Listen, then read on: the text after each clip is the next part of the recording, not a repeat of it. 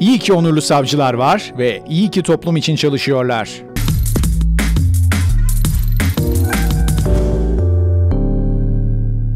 Oda TV'ye hoş geldiniz.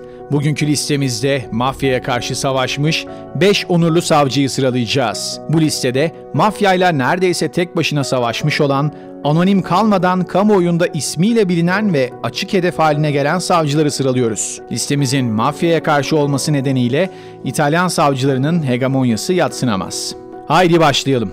5 numara Ilda Boccassini mestiere che faceva mio padre, ma senza nessun enfasi. Ho scelto di fare il magistrato non certo per tradizione, perché Saç rengi nedeniyle kamuoyunda Kızıl İlda adıyla tanınan Ilda Boccassini, 1977'den bu yana savcı olarak görev yapıyor.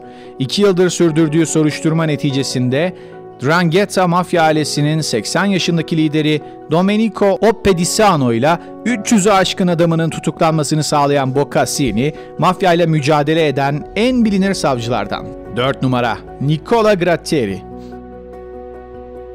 Nicola Gratteri.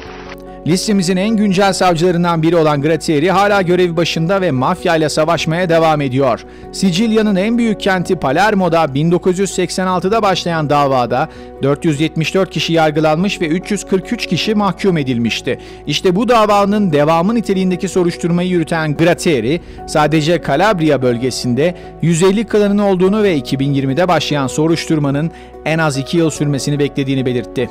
3 numara Rudy Giuliani Mayor of New York City, Time Person of the Year. These are just some of the hats worn by Rudy Giuliani. Filmlerde konuk olarak boy gösteren New York'un efsane belediye başkanı olarak nam salan Rudy Giuliani, İtalyan asıllı bir Amerikalı. Kariyerinin başlarında mafya ile savaştı. 1980'lerde mafya patronlarının yargılandığı operasyona liderlik yaptı. New York Güney Bölgesi ABD savcısı olarak o kadar başarılı oldu ki bu süreç onu ABD başkan adaylığına kadar götürdü. 2 numara Paolo Borsellino Il nome significherebbe poi espormi al...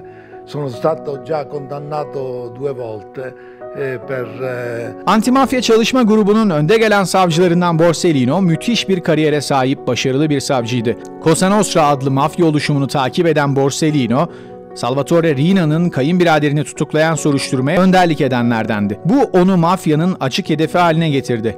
19 Temmuz 1992'de öldürülen savcı ve mesai arkadaşı Giovanni Falcone gibi bombalı saldırıda annesinin evinin önünde öldürüldü. 1 numara Giovanni Falcone diciamo che c'è molto di, molto di vero, sì, indubbiamente. Cosa Nostra'yı bitirmeye çalışırken öldürülen ünlü savcı Giovanni Falcone, 400'den fazla mafya üyesini demir parmaklıklar ardına yollamıştı. İtalya'da bir efsane haline gelen ve mafyaya karşı en büyük darbeyi vuran Falcone, mafya babası Salvatore Rina ile amansız bir savaşa girdi. Rina derin yaralar alsa da Palermo havaalanının yakınlarında Capaci'de otobana yerleştirdiği bombayla Falcone, eşi ve 3 korumasını aracının içinde öldürttü. İtalya'ya ilham veren savcı hala büyük bir özlemle anılıyor. İsmi halen yaşatılıyor. Listemizdeki isimlerden hangilerini duymuştunuz? Unutmuş olabileceğimiz varsa lütfen yorumlarda bizlerle paylaşmayı unutmayın ve Oda TV'yi hemen takip edin.